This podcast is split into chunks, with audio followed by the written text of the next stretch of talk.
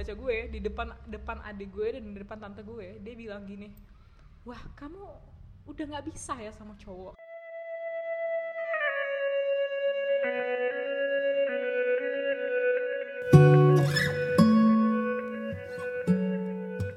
Hai, kali ini gue bareng sama salah seorang teman gue yang luar biasa banget. Kita udah kenal sejak lama banget ya, kayak udah bertahun-tahun alias beberapa bulan yang lalu sebenarnya. We are pretty close. Uh, sebenarnya kayak bisa dibilang satu-satunya teman gue sih, karena gue nggak banyak berteman nih, mohon maaf. Banyak sih temannya, cuma nggak ada yang nggak ada yang sabar dalam nggak dalamin gue aja. sabar gue Nggak ada yang sesabar lo. nggak ada yang sabar gue Bener banget. Oke, gue bareng teman gue namanya Jens. Ya nama lo Jens kan? Jens gue gue pengen tahu nih, kalau lo gue minta ibaratnya nih lo bikin akun Tinder dan lo harus bikin bio nih. Bionya nih harus bikin pendengar podcast ini langsung tertarik jatuh cinta sama lo swipe kanan. Coba lo deskripsikan diri lo dulu. Sebenarnya gue kalau di Tinder tuh eh, nggak terlalu suka bio yang panjang ya. Karena biasanya kalau gue sendiri main main Tinder terus ada yang bionya panjang dan kayak detail banget ngeceritain diri mereka gue suka kayak ngehujat gitu. Jadi gue bisa kayak simple eh, kayak let's let's eat and talk about life gitu kayak. Karena gue lebih em, lebih pengen memberikan kesan penasaran dan gue orangnya suka makan. Jadi Tinder tuh sebenarnya gue mostly nyari teman makan. Dan ya ngomongin soal hidup eh, karena kebetulan aku anak filsafat jadi aku suka ngomongin soal filosofi. Dia harus filosofi yang uh, akademisi banget sih cuman mungkin kayak yang berhubungan soal hidup dan seputar seputaran itu. Jadi gitu. Jadi kayak memberikan kesan bikin penasaran. Jadi kalau misalnya kita mau gue mau ceritain lo singkat kayak lo uh, bikin penasaran, suka makan dan suka berpikir ya tentang kehidupan. Tapi gimana sih lo memaknai kehidupan lo? Kayak apakah uh, menurut lo kehidupan tuh membahagiakan atau malah kayak sebuah apa gimana? Atau menganalogikan kehidupan lo sendiri gimana? hmm menarik menarik. Eh, kalau menganalogikan itu selalu berbeda untuk tiap kasus sih kalau menurut gue. Tapi kalau gue sendiri ngelihat hidup itu em, jangan jangan jangan apa ya jangan pernah lupa kalau misalnya kita tuh peran eh, peran utama gitu. Kadang kita suka lupa kalau misalnya peran utama kita kita terlalu fokus ke orang lain jadinya ini hidup tuh bukan bukan cerita kita lagi jadi malah kecampur sama cerita orang-orang sekitar kita gitu. Jadi intinya itu sih kalau menurut gue hidup uh, harus ingat kalau kita adalah pemeran utamanya. Seandainya lo memang peran utama memang menjadi pemeran utama dalam hidup lo sejauh ini dalam sebuah sandiwara bernama kehidupan itu kayak lagunya Nika Ardila ya. Hidup ini adalah sandiwara gitu-gitu. Itu ini kali. Aduh mana sih? Gue lupa deh ada lagu kan? Tapi uh, lo mau gak sih cerita sebenarnya kalau ini hidup lo titik-titik dramatis yang harusnya akan jadi highlight kehidupannya? Itu menurut lo yang paling dramatis yang kalau ini jadi film ini harus jadi puncaknya. Itu kapan Jens?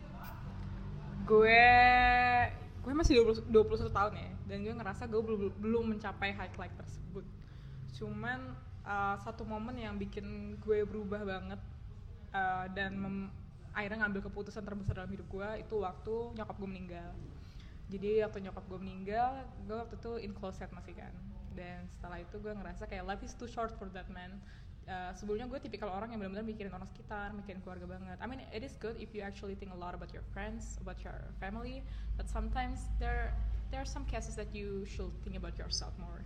Jadi waktu itu gue terlalu banyak consideration untuk ngikutin uh, gimana ketertarikan gue sama sama jenis. Dan setelah nyokap gue meninggal akhirnya gue ngerasa kayak oke uh, gue harus keluar. Gue gue selama ini terlalu banyak mempertimbangkan orang lain uh, dalam campur tangan kebahagiaan gue. Dan kali ini gue memutuskan uh, dari dari diri gue sendiri dan untuk diri gue sendiri. Walaupun berat banget tapi saat itu sih yang bikin gue uh, mungkin kalau waktu itu tidak terjadi. Jahat sih ya kedengarannya ya. Cuma maksudnya kayak kalau misalnya mungkin waktu itu tidak terjadi mungkin gue nggak bakal di sini. Gue nggak bakal kuliah filsafat gue nggak bakal se open ini gue nggak bakal sebahagia ini gue nggak bakal berteman sama uh, berteman sama orang-orang ini. Uh, orang-orang sekarang circle gue yang mana mereka kebanyakan open banget dan mereka open minded banget.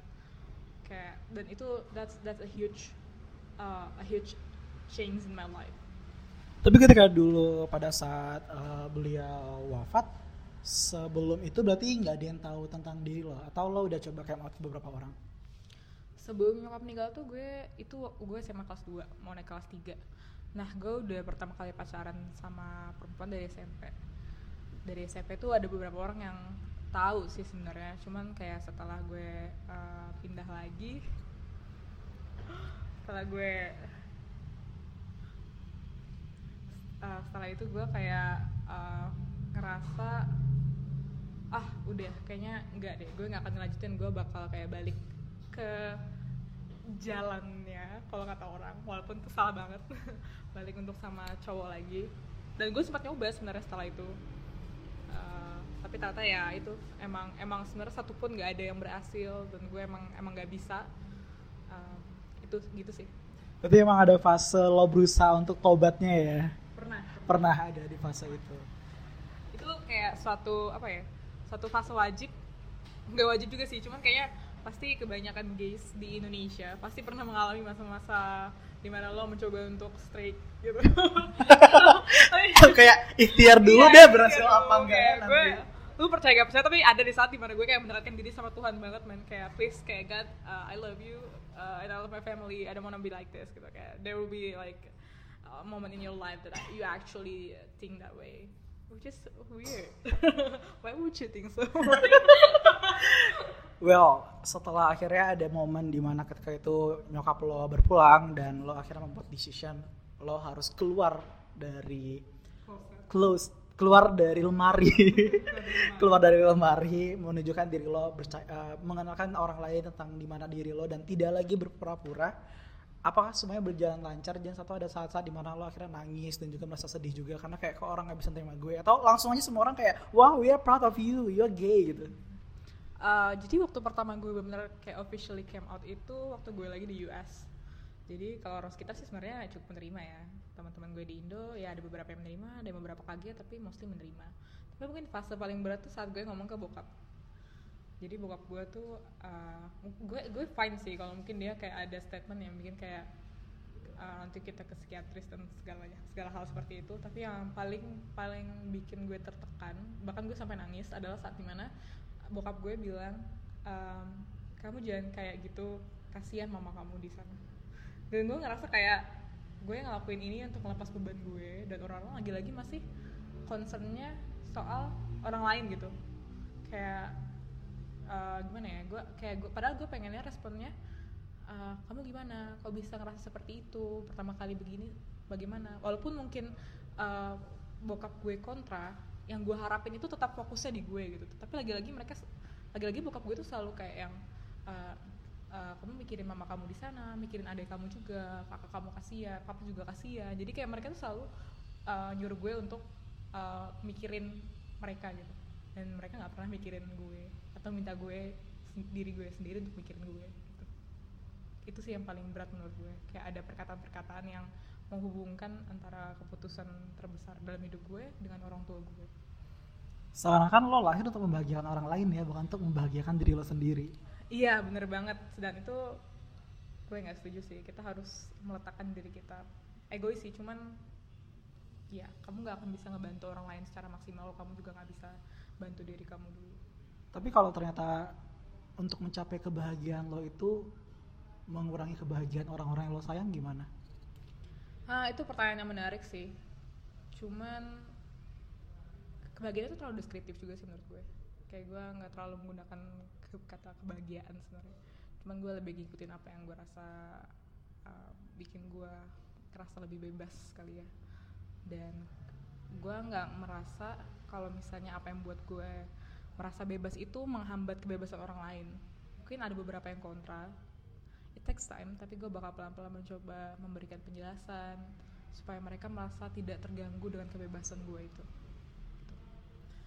Ketika lo akhirnya bangga bukan bangga sih lebih terbuka dengan jati diri lo dari keluarga selain dari perkataan itu ada upaya-upaya lain gak sih yang sifatnya represif atau menekan diri lo yang buat lo gak nyaman um, jadi tuh gue kan pas camp out itu baru ke bokap sama orang, sekitar gitu kan. Kalau keluarga besar tuh kayak belum gitu. Terus kayak akhirnya kak gue tahu um, sebelumnya kayak itu ada omongan yang kayak "Ya udah kamu cepat lulus kuliah ya nikah gitu punya anak gitu. Kayak biar biar ini biar ponakan kamu punya adik gitu. Terus gue kayak wah itu yang dorong gue juga uh, untuk kayak akhirnya ke kakak gue. Tapi setelah kemot sendiri sebenarnya nggak ada sih tekanan yang gimana. Karena mereka akhirnya lebih uh, nyuruh gue ngedorong gue buat lebih fokus ke kuliah aja. Kamu gak usah pikir ke sana dulu gitu. Malah mereka jadinya kayak gitu sebenarnya. Lucu sih. Tapi kayak uh, nggak ada cuman gue pernah sih sekali dipaksa rukiah. Gimana? Lo di Rukiah gitu uh, yang ngerukiah aman-aman aja kan sampai sekarang. nah itu dia. Kayak ya rukiah malah kesurupan. Boleh cerita nggak gimana? Kok bisa lo sampai Rukiah? Apa kalau kesetanan banget itu orang-orang liat lo gitu apa gimana? Iya, gue heran sih, padahal bisa setan yang kesurupan gue gitu. Eh, jadi waktu itu gue lagi sakit, sakit yang lain, terus gue ke Medan eh, berobat dan sekalian ada tante gue di sana. Terus kayak ya udah eh, dari medis juga iya, dari agama juga iya ya kata. Jadi kayak gue dibawa Rukia. Nah lucunya di sini adalah eh, posisinya di ini kan tante gue dari nyokap ya, jadi ada yang nyokap gitu. Nah dia ini nggak tahu kalau gue eh, kalau gue lesbian gitu sampai akhirnya ketahuan gara-gara tukang rukiahnya ini tuh jadi punya eh, punya ritual. Sebelum dia ngerukiah dia nyuruh pasiennya ngambil tujuh daun sirih kemudian diampar disusun dari yang pertama sampai yang ketujuh sesuai maunya kita. Terus nanti dia bakal baca diri kita dari daun sirih tersebut. Ternyata dia nggak baca gue di depan depan adik gue dan di depan tante gue. Dia bilang gini wah kamu udah nggak bisa ya sama cowok.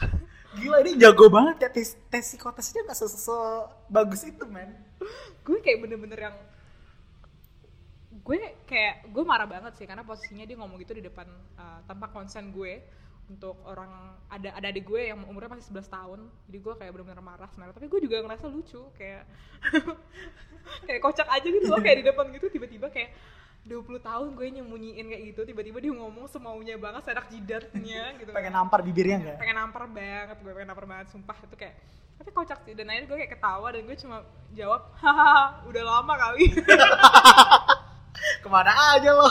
terus kayak spontan tante gue bawa adik gue ke dalam gitu ke dalam rumah gitu jadi walaupun sebenarnya awalnya awalnya um, Rukia itu bukan karena itu tapi di Rukia yang kedua eh, kedua kedua gue dipaksa karena itu. Jadi sebenarnya eh, kenapa dilaku, dilakuin ritual daun sirih itu? Biar dia tahu dia mau ngobatin apa saat Rukia. Jadi kan otomatis eh, di uh, di Rukiahnya sendiri dia bermaksud untuk menyembuhkan gue sebagai seorang lesbi gitu. Jadi gue ya gitu sih. Terus yang kedua kali itu gue dipaksa sebenarnya. Gue nggak mau nggak mau. Tapi akhirnya tante gue kayak nangis nangis kayak udah deh sekali lagi sekali lagi gitu kan kayak kalau soal uh, kamu kayak gitu ya udah itu uh, apa kehidupan pribadi kamu. Udah nggak bakal mencampur tangani dia bilang kayak gitu. Ya gue rada-rada senang juga sih cuman gue kayak sempat ngomel gitu kayak dia ada hak apa ngomong kayak gitu depan bunda sama di depan adik gue gitu kan. Gitu sih. Tapi itu lucu banget sih kayak wow. Btw gue nggak kepanasan ya jadi nggak ada setannya Berarti eh boleh ceritain singkat gak sih prosesnya tuh gimana ketika lo berusaha di Rukiah? jadi pertama itu di gue disuruh wudhu dulu wudhu terus pakai mukena kan ya Tunggu itu masih ingat kan lo gimana cara wudhu pas itu? Nah, alhamdulillah ya alhamdulillah ah, ah, alhamdulillah dua setengah tahun sekolah Islam masih masih Nempel. nempel kalau itu doang mah Ah, ah. alhamdulillah sih ya cuman gue ketukar aja kapan tangan kapan kaki jadi pas uh, wudhu dulu uh, terus pakai mukena terus kan yang ngerukiah cowok ya tua gitu terus kayak wah, dia pakai sarung tangan gitu bi karena nggak- boleh kan bukan Najis. Oh nggak najis. Nah, dia soalnya dia selesai ngerukiain gue dia pakai ini tanah tujuh kali. Ini beneran ini beneran. ya enggak lah. Jadi kayak pakai itu terus dibacain gitu. Kalau menurut gue tajwidnya bagusan gue sih sebenarnya. dibacain surah-surah Quran gitu, gue nggak tahu surah Quran apa aja. Yang pertama itu Al-Fatihah 4 terus kayak yang sisanya gue nggak tahu apa gitu cuman gitu sih terus kayak habis itu ditiup-tiupin juga jadi kayak habis dibaca terus ditiupin. Padahal napasnya kayak nggak enak gitu baunya. Gue bete sih sebenarnya waktu itu kayak udah. Terus kayak pada ngeklaim kayak ya ampun kamu habis tadi tuh habis rukiat tidurnya nyenyak banget. Padahal sekarang semalamnya gue belum tidur. Jadi kayak lucu aja sih kayak ini orang kenapa sih? Gitu. Tapi secara fisik nggak ada perubahannya kayak kan ada yang bilang kalau di Rukiah tuh kayak kebakar kayak gimana gitu. Kalau gue nggak ada sih nggak ada sama sekali bener biasa aja Apa kan emang setannya udah jatuh sama lo kali ya?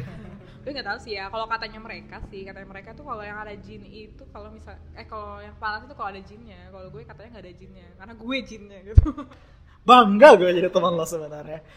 cuma Jen uh, diri lo sendirinya ketika lo akhirnya bisa nerima diri lo ini dan kayak gue rasa pasti di luar sana orang banyak yang iri sama lo gitu loh kayak they they they will wish that they were in your shoes. Karena kayak lo pede lo bisa proudly say that I'm getting proud dan lo dikelilingi orang-orang yang banyak yang support lo dengan for you being who you are. Tapi emang apakah sediri lo menjalaninya itu emang sebahagia itu doang Jens apa ada juga fase-fase di mana lo sedih atau galau ya? Uh, kalau yang berhubungan sama orientasi gue Uh, sedihnya karena gue jomblo mulu sih rel. Kayak gue gak pelaku gitu loh apa gue cari cowok aja. So cowok banyak yang deketin gue serius. Jijik. Serius, tapi kayak relationship tuh mudah gak sih sebenarnya as a lesbian? Kalau muda itu relatif ya. Muda susah itu relatif. Dan mungkin kebetulan emang uh, gue aja emang kurang laku. Tapi banyak kalau lesbian di luar sana yang sebenarnya laku dan kayak long term relationship gitu banyak banget sebenarnya kayak gitu uh, tapi kalau so far dari gue iya bener sih banyak banget orang yang ngeliat gue mungkin wah enak banget nih orang out loud and proud gitu kan. Tapi mungkin gak enaknya apa ya um, sebenarnya tuh sedikit banyaknya selalu ada ketakutan dalam hidup gue. Gue percaya itu.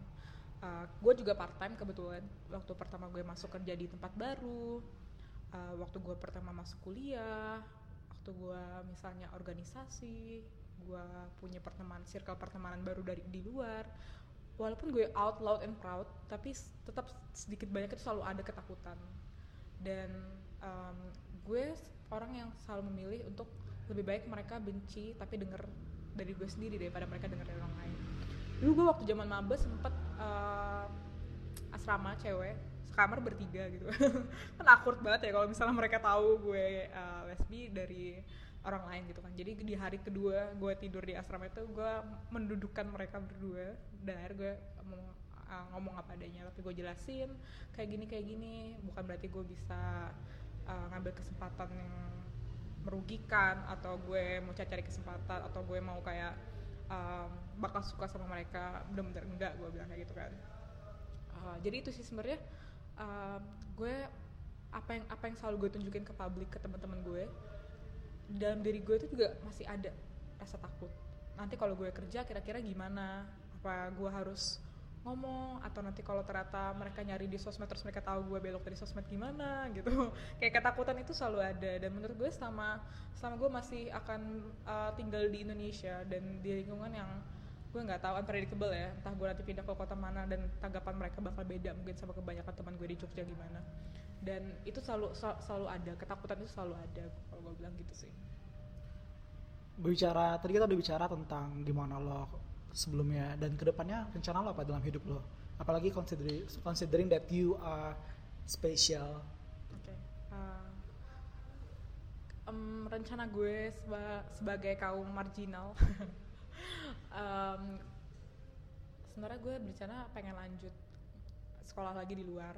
Gue pengen ngambil gender studies biar gue lebih mumpuni aja sih gue lebih mampu kalau misalnya gue uh, berargumen untuk um, membela membela orientasi gue uh, identitas gender gue dan juga teman-teman dari komunitas LGBT juga. Karena sebenarnya gue dari dari sekarang pengen banget sebenarnya aktif di banyak komunitas tapi emang gue ngerasa kayak gue nggak punya kemampuan. Gue kadang gue suka minder jadi gue kayak pengen mengisi otak gue yang kosong dulu dengan ilmu-ilmu. Memastikan kalau gue capable untuk memberikan argumen yang valid ke orang-orang yang masih belum teredukasi soal LGBT itu sendiri gitu. Terus itu sih. Lo pernah denger gak sih kalau misalnya lesbian itu salah satu kategori porn yang paling banyak dicari oleh lelaki hetero. As, as lesbian how you feel that? Kayak di satu sisi lo tidak bisa diterima oleh lingkungan. Di satu sisi mereka menseksualize orientasi seksual lo. Can I use a bad word tuh boleh boleh boleh first of all uh, thank you so much. Second of all fuck you all. Kayak ya itu sih ya. Eh, nggak uh, bisa dipungkiri kalau kita tuh masih hidup di mana double standar tuh di mana? Kayak di luar dari di luar dari uh, berhubungan sama LGBT pun mungkin gue kadang masih ada keikut sama double standar gitu kan. Nah di sini mungkin gue kenapa gue juga pengen ngambil gender studies juga uh, biar biar gue uh, apa ya kalau soal pilihan porn mereka apa itu sebenarnya gue nggak nggak masalah sih. Mereka mungkin lebih suka yang kayak gitu ya udah nggak apa-apa kan. Itu kan urusan tangan Iya. kelamin dan mereka masing-masing ya. Ya benar nah yang masalahnya kan adalah mereka kayak gitu dan mereka nggak mau menerima lesbian. Itu kan yang bikin masalah. Nah jadi kalau misalnya soal porn gue nggak bisa banyak ngomong dan nggak bisa karena menurut gue itu pilihan orang. Yang yang menurut gue uh, jadi masalah gue adalah di mana orang ini kebanyakan masih nggak bisa menerima lesbian gitu. Jadi itu yang pengen kayak that, that, is, uh, something that I want to work out selain itu kan sering ada selentingan-selentingan oh kalau lesbian tuh kayak di TV kasusnya pembunuhan. Emang pada suka bunuh apa gimana sih sebenarnya? Kalau lo denger itu kayak gimana sih? Eh perasaan lo ketika denger selalu kita dikaitin eh, teman-teman lesbian itu dengan kasus-kasus kekerasan yang terjadi di luar sana. Mohon maaf ini TV mana dan channel mana ya? Karena gue gak tahu ya. Malah gak tahu ya. Gak tahu ya. Oh, J- Jessica Mirna mungkin ya. Iya, jangan disebut nama dong ini saya berusaha subliminal tadi. Jadi em, menariknya wak- orang tua gue cukup cukup terbuka ya cukup liberal sebenarnya. Kedua-duanya cukup liberal. Jadi eh, gue dan mereka open untuk bahkan term term lesbian gay bisexual bisexual terus kayak transgender juga pertama kali gue tahu dari orang tua gue dan dari beberapa teman mereka juga ada kayak gitu. Dan eh, lucunya adalah nyokap gue tuh pernah eh, ngomong ke gue kalau wak- waktu gue masih kecil gitu kalau misalnya lesbian dan gay karena mereka susah cari pasangan. Waktu itu ya ini nyokap gue yang masih awam banget ya. Karena mereka susah nyari pasangan jadi saat mereka dapat satu pasangan lepas tuh bakal susah. Dan itu bahaya mereka bakal bisa kayak apa kejar kejar sampai ngebunuh lah ngancem lah apa kayak gitu. Gu- gue nggak tahu ya itu bener apa enggaknya ya. Karena gue rasa yang strike pun ada segila itu gitu kan. Jadi sebenarnya mungkin itu adalah kasus pembunuhan yang kebetulan adalah lesbian. Jadi dan bukan bukan semua lesbi kayak gitu atau semua gay kayak gitu. Dan tidak dan pada faktanya ya pada hubungan heteroseksual sekalipun hal yang sama juga terjadi dengan Benar. persentase yang seimbang juga kok nggak ya? Nggak bisa dibilang oh semua lesbian akan membunuh pasangannya kayak ketika diambil oleh orang lain apa gimana gitu. Tapi ya eh, kalau ada orang-orang di luar sana yang eh, masih belum yakin untuk coming out pesan lo apa? Apakah mereka harusnya segera coming out aja nih? Apa gimana? Kalau menurut gue um, coming out itu butuh momen. Dan coming out itu butuh kesiapan. Segala kesiapan. Dan pertimbangan. It's not always necessary itu.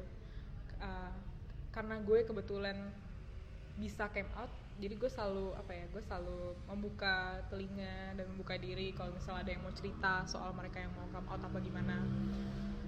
Dan um, dan selama ini tuh gue selalu nge-encourage mereka kayak oke lu ngerasa berat lu ngerasa kayak lu pengen terbuka. Tapi kadang came out tuh nggak perlu langsung ngomong juga kayak I'm gay I'm lesbian.